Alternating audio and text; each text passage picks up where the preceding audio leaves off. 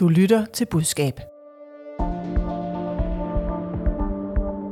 Piger og kvinders påklædning, det skal simpelthen ikke, der skal ikke være regler over det. Øh, om det er burkeforbud eller tørklæder, om det er en crop top eller hvad end det er. Altså, det skal, bare ikke, det skal der ikke bestemmes over. Kan man vise bart maveskin i skoletiden? Børn og unge har i denne uge demonstreret for retten til selv at bestemme deres påklædning, efter en skole i Vejle forbød den såkaldte crop top. Hvad gik galt i skolens kommunikation? Kan man med succes kommunikere om dresscode i 2021? Og hvad gør man så, hvis man gerne vil sikre en bestemt påklædning på en skole eller en arbejdsplads? Jeg stiller spørgsmålene, mine eksperter giver svarene. Velkommen til Budskab, Fagbladet Journalistens nyhedsmagasin om kommunikation, hvor vi også ser nærmere på falske rygter og Morten Messersmiths angreb på en dommer. Mit navn er Line Ernlund. Mads Byder, har du dresscode i dit firma? Nej, det er der ikke. Velkommen. Du Tak. er stifter af Help PR. Steffen Hjaltelin, kan man med succes kommunikere et forbud mod de såkaldte crop tops? Det tror jeg faktisk godt, man kunne have gjort, øh, men det skulle gøres cirka diametralt modsat den måde, det blev gjort på. Okay, mere om det. Velkommen. Du er stifter af Hjaltelin Stahl og tidligere mangeårig kampagnemager for partiet Venstre. De her, vi begynder i Vejle ved Firehøjskolen, hvor skolelederen havnede i en sand krise. Ledelsen havde sendt besked ud til elever og forældre om, at det for de ældste elever skulle være slut med at gå med en crop top, altså en lille bluse, der efterlader kig til maven. Skoleleder Bjarne Kyne begrundede det således i, morgenra- i morgenradioen på P4. Vi er nødt til at forholde os til, at når man kommer op i skolen, så er det i et fællesskab, hvor vi skal være tæt på hinanden, og øh, det kræver også, at vi kan have noget, at vi har noget tøj på, kan man sige, hvor alle kan koncentrere sig om øh, det skolearbejde, der skal laves. Ja, nyheden bredte sig hurtigt til flere medier, og der var kritik fra både elever og forældre.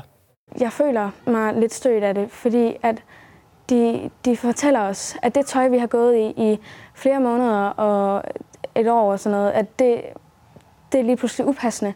Jeg synes jo, det her hører til på forældrebanen, så, så jeg var noget overrasket over, at, at en skole lige pludselig havde sat nogle regler for noget, som jeg synes er min pligt som forælder.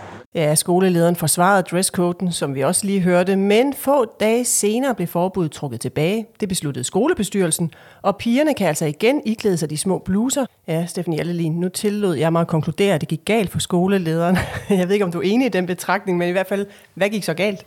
Altså, jeg kan huske, at jeg hørte det øh, live i radioen, og jeg tænkte, øh, den, øh, den, den dør jo på, at, at han dør på et ord, ikke? Altså, eller, han siger, at det er, det gør det svært at koncentrere sig.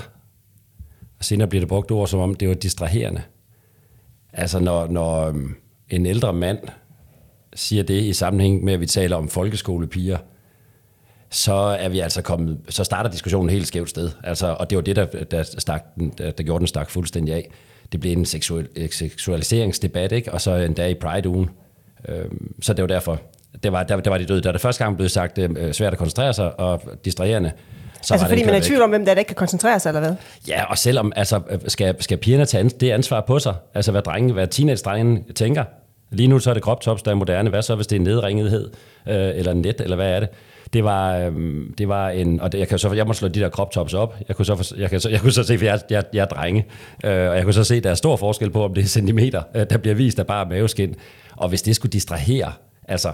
Men problemet var, at den kom over en seksualiseringsdebat, og derfor gik det galt. Mads Byder, er det udelukkende en kommunikationsfejl, skolelederen begår? Nej, det synes jeg faktisk ikke, fordi det, det starter vel egentlig med, at han øh, skal stikke en finger i jorden og finde ud af, hvordan responderer det her ude i samfundet. Ligesom alle vi andre gør, før vi tager nogle beslutninger. Og, og det her virker for mig som om, at der er siddet øh, fire mænd i et lokal og blevet enige om noget. Og Ja, så det er ved sagt, vi jo ikke. Jeg- Jeg ved ikke, hvor mange, der, eller hvilket køn de har i skoleledelsen. Nej, det behøver ikke være fire mænd, men det virker som en meget lukket gruppe, der ikke har været ude og spørge nogle elever eller nogle forældre, eller bare stukket en lille smule ud i det omkringgivende samfund og forhørt sig. Fordi så tror jeg, at man var gået helt anderledes til værks med det her. Hvordan? Jamen altså, så havde de jo fået noget respons fra elever eller forældre, dem de har spurgt til, og så havde de måske stadig syntes, det var en god idé, men havde ikke meldt det ud som en regel, der nu skulle være der. Altså, hvis vi snakker medier, øh, og det gør vi jo den her podcast, den her har jo alt, hvad sådan en shitstorm skal have. Den, i, I den her tid, så handler den om mænd, der skal bestemme, hvad kvinder eller slash piger skal have på. Altså, du- kan næsten ikke øh, starte øh, skæver for tiden med al den identitetspolitik, der er her, og der er godt, at den er her. Så, så det gælder også næste gang, der sidder en skoleleder eller en virksomhedsleder eller noget andet øh, tjek lige det omkringgivende samfund, inden at du begynder øh, med for mange regler, når vi snakker identitetspolitik. Og I får lov til at give god råd lige om lidt, men vi skal lige se, fordi sagen lagde jo fuldstændig Twitter og andre sociale medier ned, og også de konventionelle medier. Flere kendte kvinder iklædte sig den lille top i sympati med de unge, og der er blevet holdt crop top demonstrationer flere steder i landet. Tusind tak, fordi at I er kommet. I ser rigtig godt ud alle sammen. Jeg synes, det er fuldstændig åndssvagt, at, øh, at folk skal have lov til at bestemme, hvad andre folk skal gå i. Det er deres eget valg.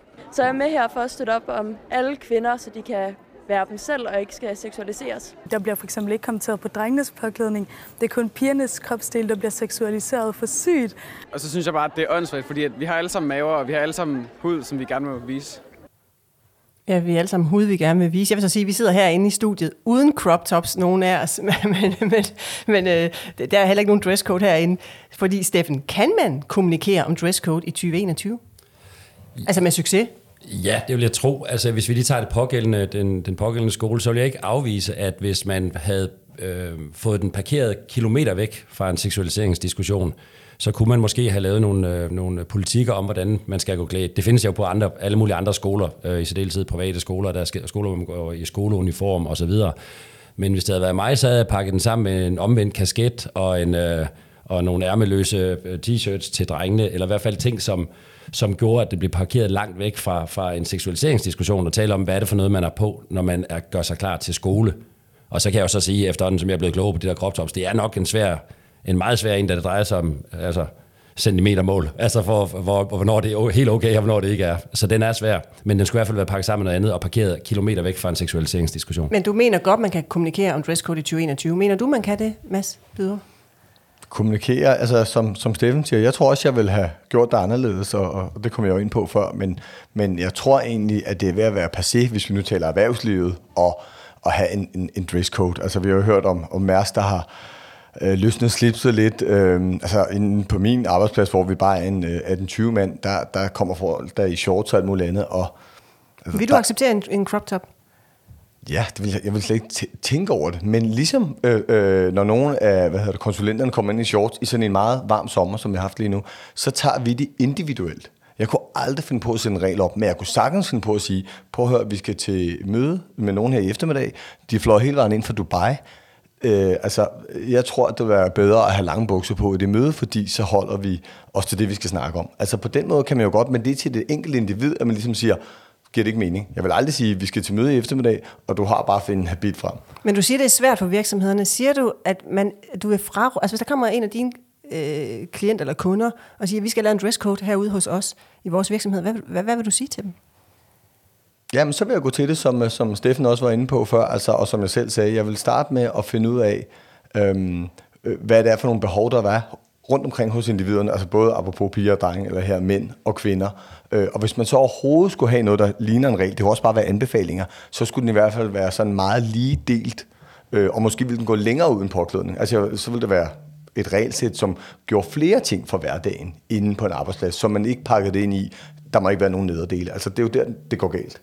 Ja, så jeg hører, at man kan godt kommunikere om dresscode i 2021, men det er ikke blevet lettere, og man skal i hvert fald få sig for øje, at man skal undgå seksualiseringen i det. Ja, jeg tror, det er det centrale. Øh, jeg, jeg tror sådan set ikke, der er sket nogen store ændringer i forhold til ellers at, at sætte regler op for folks øh, påklædning. I detaljhandlen er der jo masser af regler, hvor man skal have på. Øh, det, der har ændret sig gevaldigt, det er seksualiseringsdebatter, som, som er ustyrlige og så er det mand-kvinde-diskussioner. Så kan man holde sig fri af det, så kan det være, at man bliver en upopulær arbejdsplads, og at det måske ikke er op i tiden, men, men det er jo ikke anderledes end tiden, den ændrer sig, som den altid har gjort.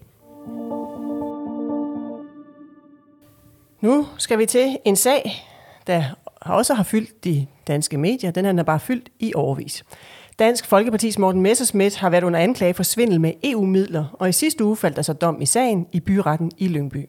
Messerschmidt blev idømt 6 måneders betinget fængsel for dokumentfalsk og svindel med godt 98.000 kroner fra EU. 10 kendes for ret. Tiltalte Morten Messerschmidt skal straffes med fængsel i 6 måneder. Straffen skal ikke fuldbyrdes, hvis tiltalte overholder følgende betingelser. Tiltalte må ikke begå noget strafbart i en prøvetid på to år fra endelig dom. Tiltalte skal betale sagens omkostninger. Ja, Morten Messerschmidt gik efter frifindelse og ankede på stedet dommen. Jamen, øh, jeg er selvfølgelig overrasket øh, og øh, har hele vejen igennem øh, troet på, at øh, jeg vil blive øh, frifundet. Det er også derfor, at vi øjeblikkeligt øh, anker øh, den her dom til landsretten. Det har været en enorm opslidende øh, proces, øh, ikke bare de to uger, øh, her i øh, Lyngby øh, Byret, men jo også de foregående år. Så nu er jeg lige brug for at øh, synke tingene, også læse dommen, øh, men øh, selvfølgelig gør mig klar på, at så er der en ny runde i, øh, i landsretten, og der går vi, som I kunne høre derinde, altså efter frifindelse. Ja, men Morten Messersmith har ikke holdt helt pause på kommunikationsfronten frem til ankesagen. For efterfølgende viste det sig nemlig, at byretsdommeren i sagen, ifølge Ekstrabladet, havde liket et Facebook-opslag fra den tidligere venstreminister Søren Pind, der problematiserede Messersmiths fortsatte medlemskab af Folketinget. Morten Messerschmidt klager nu over dommer Søren Holm Serup. Det oplyser DF-næstformanden på sin Facebook-profil. Messerschmidt og hans advokat mener, at Søren Holm Serup burde have erklæret sig inhabil i forhold til at være retsformand i sagen. Klagen kommer efter, at Messerschmidt er kommet med en række eksempler på, at dommeren på Facebook har liket eller kommenteret opslag om Meldt eller Dansk Folkeparti. Ja, Messersmith han har altså klaget over dommeren til den særlige klageret, og jeg skal lige sige, at klageretten kan ifølge Ritzau ikke i sig selv hjemvise sagen til fornyet behandling i byretten, men det kan landsretten gøre, når sagen engang bliver indledt der. Mads Byder, jeg ved, at du har undret dig over Messersmiths kommunikation, at han har været så aktiv på Facebook efter dommen i byretten. Hvorfor? Jamen det er fordi de øh, sager, jeg sidder med, eller sidder med historisk, øh, hvor der også er en af mine kunder, eller øh, en retssag op at køre, hvis der så bliver anket, så plejer man kommunikationsstrategisk at sige, så holder vi lige øh, for lavt plus her. Altså, øh, nu ser vi, hvad der sker. Der er ikke nogen, der er skyldig, sådan er det jo så længe, at, at den er anket. Og så øh, har jeg siddet med i mange processer gennem de sidste 10-15 år, hvor øh, man har været stille og gjort sig klar til, hvad sker der så næste gang ved retten. Og her kommer der en mand ud og giver den fuld gas øh, med det samme. Øh, så jeg tror, øh, han har en anden strategi med det, end, end, øh, end det jeg måske ville have rådgivet ham. Men jeg har også gættet lidt på, hvad hans strategi er. Ja, der kan vi vende tilbage til. Jeg skal lige høre dig, øh, Steffen Hjaltelin. Øh, undrer du dig? Øh, nej, jeg synes, det er helt rigtigt af ham. Øh, og vi diskuterer ikke om, om at være enige med ham i det hele taget, men for hans mål er det er helt rigtigt. Det vil være helt forkert for en virksomhed og helt rigtigt for en politiker. Fordi DF øh, har altid skulle Øh, Øh, skulle eksistere op mod Parnasset, op mod eliten. Og hans mål er at gøre det her til en lille sag, øh, og, og, og, og få fortalt, at han på nuværende tidspunkt jo faktisk var dømt på forhånd. Altså, det er det, han prøver på at vise med det her. Det var en lille sag, men, øh, og han skal ikke tale med hele befolkningen. Han skal tale med de 10-12 procent, som, er, øh, som er, har tilsvarende følelser over for eliten. Men hvordan holder det argument og den fortælling så, hvis det ender med, at han bliver dømt i landsretten? Det ved vi jo ikke endnu, men, men der er jo den mulighed, at han bliver dømt i landsretten. Jo, men det er jo ikke... Øh, øh, altså, selv hvis han bliver dømt, så vil han jo fortsætte med at sige, jamen jeg synes, at det var en... Øh, en øh, hvad hedder det? En, det burde have været en frifindelse. Det er en øh, petitesse, det er just, det er en lille ting. Øh, nu viste det tidligere, at dommeren han var imod mig. Øh, jeg ved ikke, hvad den nye dommer, men, men vi er, sådan er det jo, når man er DF'er. Og, øh, og de føler jo, at de har kæmpet de retfærdige sager, skyld i, at Danmark ikke er blevet ligesom Sverige. Så den fortælling skal de bare holde fast i, og man kan sige, altså jeg tænker, at det her det er fuldstændig på samme måde, som Trump ville øh, gøre det på.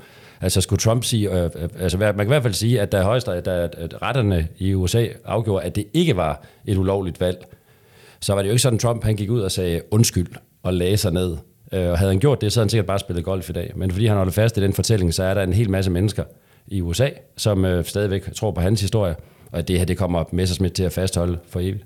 Du nikker, Mads. Øh, er det strategien? Ja, men det, det, du, spurgte mig, ja. du spurgte mig jo til, hvad kunne strategien være der, og øh, altså, det har jeg tænkt meget over, og jeg tror helt klart, at øh, det han har gjort, og faktisk lykkes med lige nu, det er jo, at vi ikke er kommet til at snakke om, om han er færdig i DF. Vi er ikke kommet, det har der været lidt snak om. Det har der været ja. lidt om, men, men han har jo fået en masse over på, hvorvidt dommeren er upartisk eller ej.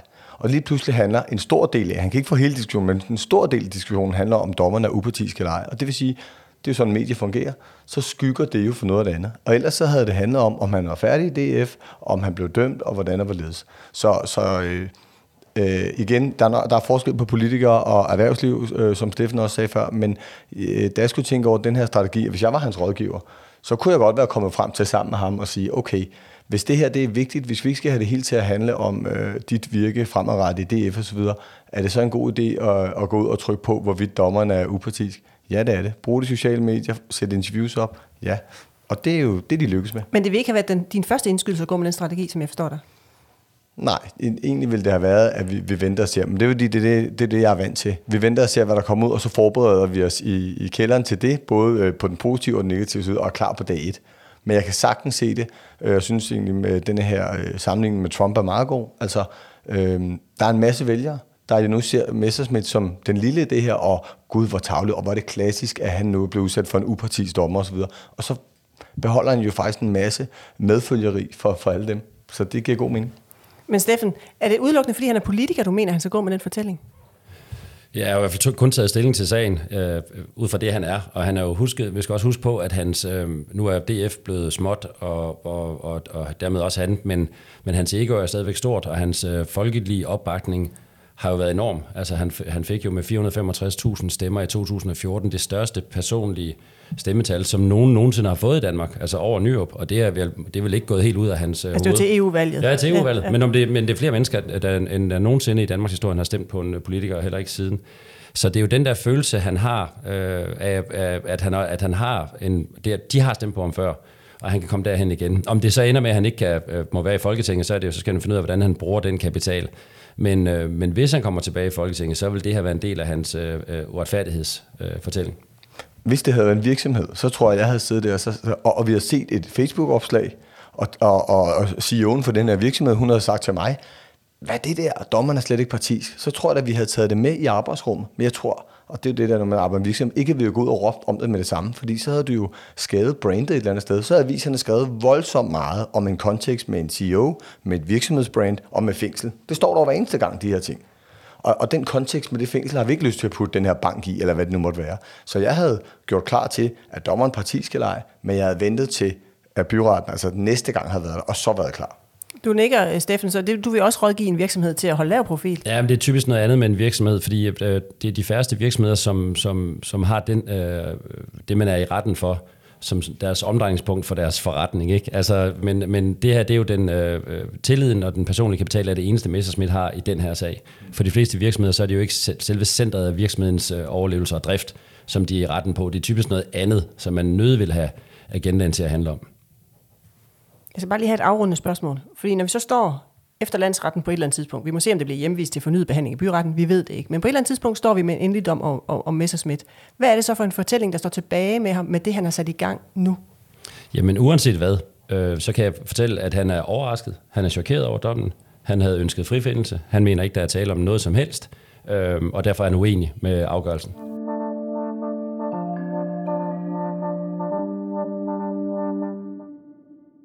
Så skal vi til falske rygter og påstande.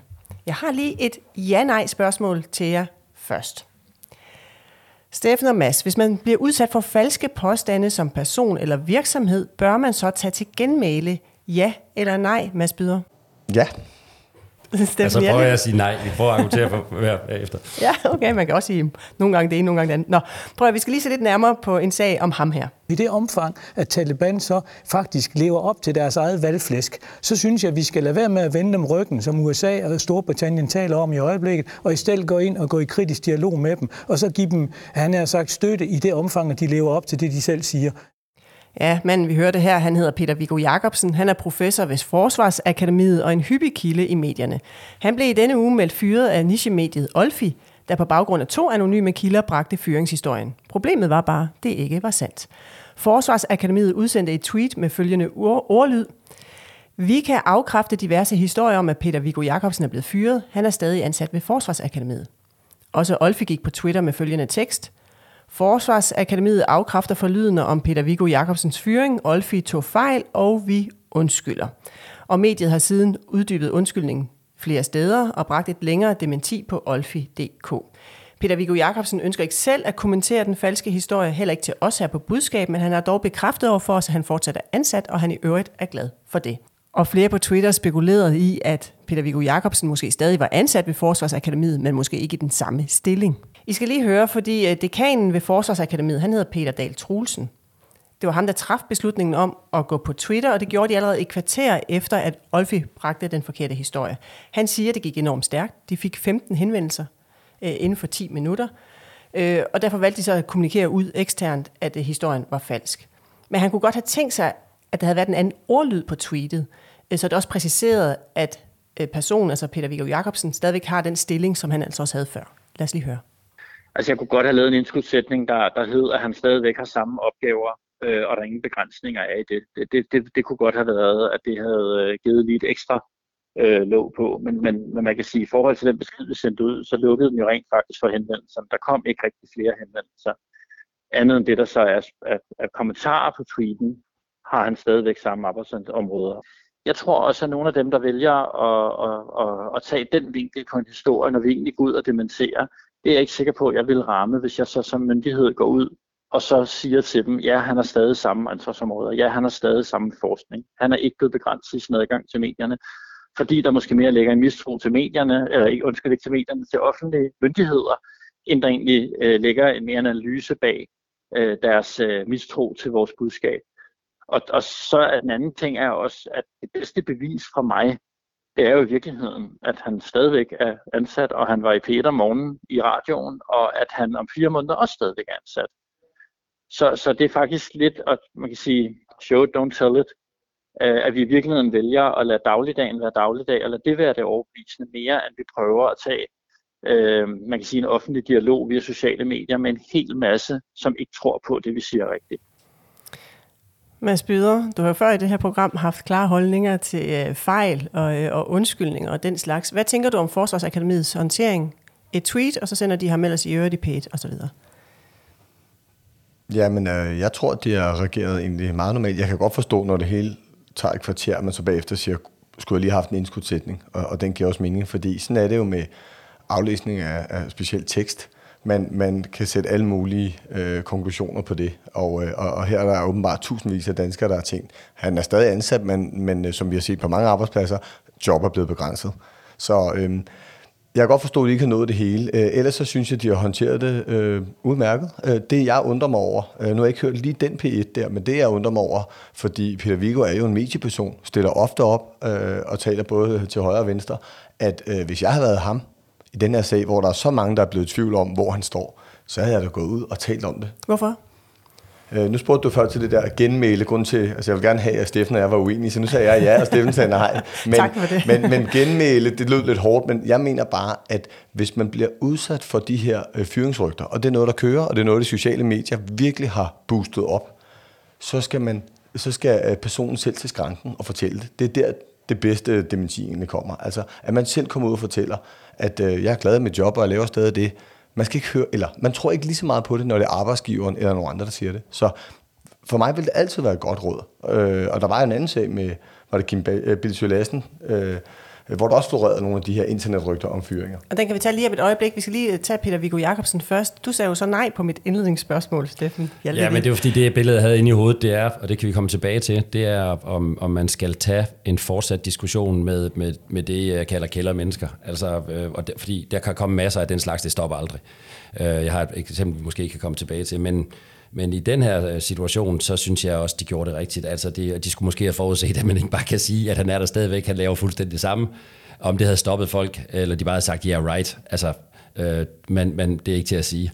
Men jeg er jo meget enig i, og det havde måske været endnu mere aktiv, at hvis han ikke går ud, altså, og jeg synes, det har været en meget god idé, siden det var Olfi, det kom fra et medie, det var også det her, det kom fra et medie, det kom jo ikke fra en enkelt person, og derfor skal man reagere lidt anderledes, måske også anderledes end, end Kim Bilsø-sagen der. Men, men hvad hedder det, øhm, men, men at sætte ham ud live, altså jeg vil bare have taget sagt ja til alle interviews i den uge. Alle sammen. Men, men, men, men synes du, Peter Viggo Jacobsen skulle have stillet sig op og selv kommenteret de her fyringsrunder? For det har han jo ikke villet, det, det vil han heller ikke over for os. Ej, og det, bliver, det, og det gør det jo sådan en lille smule gedult, ikke? altså noget, der, som ikke er der, det er jo, det er jo lidt mærkeligt. Øhm, og det skulle han kun gøre, fordi det kom fra et medie. Havde det kommet fra kommentarsporet eller fra enkelte personer, skulle han slet ikke have gjort det, eller det op for. Men i det her tilfælde skulle han have gjort, fordi det kom fra et medie. Mads, du får ordet om et øjeblik, men jeg skal lige høre, fordi vi har spurgt uh, Peter Dahl Troelsen fra Forsvarsakademiet uh, i forhold til, at han ikke selv er ude at kommentere sagen, altså hovedpersonen Peter Viggo Jacobsen, og han siger, uh, at det var rigtigt, at de var afsender på dementiet. Der vil jeg faktisk sige, at vi ville have valgt den løsning, vi gjorde med, det var os Både fordi, at Peter Vigo ikke selv har øh, en, en social medieprofil, vi vil kunne anvende, øh, altså en, en Twitter, men også fordi, jeg tror, at lave citater af ham i vores tweet, øh, tror jeg ikke nødvendigvis havde øget troværdigheden. Øh, et sidste element er, at jeg kunne ikke få fat i ham. Så, så jeg ville selvfølgelig ikke sende noget ud, uden at, øh, at han havde godkendt det, hvis han skulle citeres. Ja, man kan sige, at der er jo en lavpraktisk virk- virkelighed nogle gange, og her skulle det gå stærkt. Men hvad, hvad siger du til forklaringen? Ja, men øh, fair nok. Øh, på det der kvarter kunne vi ikke nå at få en kommentar med i tweetet, men hvorfor skal det hele handle om det her tweet? Øh, der var en time bagefter, der var et døgn dagen efter, Og, og Peter Vigo er vant til at stille op og udtale sig.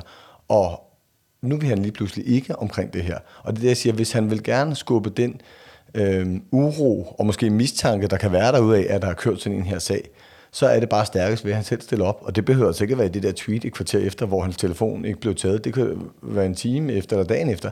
Vi vil bare gerne, ligesom han så tit har været så udtalt sig på sit ekspertområde, høre ham stå der, og, og så vil hver journalist selvfølgelig også spørge efter noget. Afghanistan vil også spørge, har du stadig dit job? Er det det samme?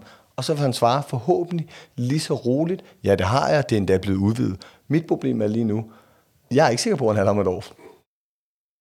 Okay, men så skal I lige prøve at høre, fordi I nævnte selv øh, Kim Bilsø Lassen, han var faktisk udsat for noget lignende i sidste uge. På Facebook valgte han så at gå i rette med rygter om, at han blev fyret fra DR, og han, han skrev en lidt længere øh, tekst. Lad mig bare sige til sidst, altså rygtet skulle være, at han blev sendt til Tokyo øh, til OL, fordi han blev fyret fra øh, TV-avisen, og det skulle være på baggrund af, at han skulle have stillet kritiske spørgsmål til regeringen om coronasituationen. Det var det, rygterne lød på. Og så slutter han sin Facebook-opslag af med at skrive, i dag er jeg så blevet kontaktet af en avis, da vi hører om historien. Så lad mig slå fast for en gang for alle, det er ikke sandt. Og Kim Bilsø fortæller til os her på budskab, at det er første gang, han på den måde kommenterer på rygter fra sin egen profil på sociale medier. Men når han valgte at gøre det, så var der faktisk flere grunde. Det var ikke én gang, og det var ikke to gange, og det var ikke noget, der foregik i en uge, det var igennem længere tid. Altså hele den der periode, hvor jeg var i Tokyo for at dække OL, der oplevede jeg at få henvendelser eller så på nettet et eller andet, som refererede til det her som et faktum. At øh, det er jo helt vanvittigt, at Kim Bilsø er blevet fjernet. Og sådan noget. Det gik op for mig, at det gik mig faktisk på. Altså det gik mig på, at, at, at ligesom, du ved, en ting er, at folk siger, at jeg, har, at jeg er grim, eller jeg er dum, eller uh, et eller andet. Det, det er jo sådan noget, man kan forholde sig til, eller det er jo holdninger. Men det der med, at der var sådan noget, der decideret og faktuelt var fuldkommen aldeles forkert. Det gik mig meget på, at det blev ved med at blive bragt til tors. Så selvom jeg er faktisk er meget, meget tilbageholdende med at sådan gøre sådan noget og give udtryk for den slags øh, på sociale medier, så tænker jeg, at det var måske måden at gøre det på. Og øh, jeg tror i hvert fald, det stoppede. Jeg har ikke hørt noget siden. Nej, og han er også stadigvæk ansat på DR. Var det her den rigtige håndtering, Steffen Jallelin? Ja, det beviser resultatet jo, at, øh, at for ham var det nødvendigt. Den kom så, den kom så fra, man kan sige, de, de har jo to forskellige retninger, kan man sige. Den første kom fra medierne, og så gik den i kælderne bagefter i kommentarfeltet, ikke? Den, den kom fra kælderne, og så var på, så, på vej i medierne, og han får så stoppet den øh, der. Og, øh, og det har jo så vist sig, det har vist sig at virke. Øh, jeg kan godt forstå, at det er, altså, man bliver nødt til ligesom at føle, at man, man siger noget igen. Mads? Ja, den rammer jo den ene ting, og det er det der med at lade os få hovedpersonen til skanken, som jeg sagde før i den anden sag. Øh, det viser den jo meget godt, det her. Og den anden ting, vi har talt om i dag, det er jo, at øh, den har åbenbart kørt længere på de sociale medier, og Kim Bilsø har gået og lavet sig lidt irritere, men ellers passet sit job i Tokyo. Det første avisen, som du lige læste op, det første, de ringer, at den går til næste niveau. Det er helt normal kommunikationsstrategi at sige, nu er det en avis, der ringer, og jeg har det på samme måde. Er det Facebook-sladeren, øh, eller er det medierne? Og når den kommer op på avisniveau, der kan du se, der har Kim også, uden at rådgive sig hos nogen, bare med sig selv sagt, nu er vi nået til et niveau, hvor jeg bliver nødt til at gå ud og forklare det fra min side. Men når du siger, at du tænker Peter Viggo Jacobsen, ah, du ved ikke lige helt, om han stadigvæk er der om et år. Har du det så på samme måde med Kim Bilsø Lassen? Nej, det er jo også det, jeg mener. Det er derfor, jeg har brug for, at nu er det godt nok på sociale medier, at Kim Bilsø har skrevet, men jeg har brug for, at Peter Viggo, han selv øh, forklarer det her, fordi så tror jeg meget mere på ham.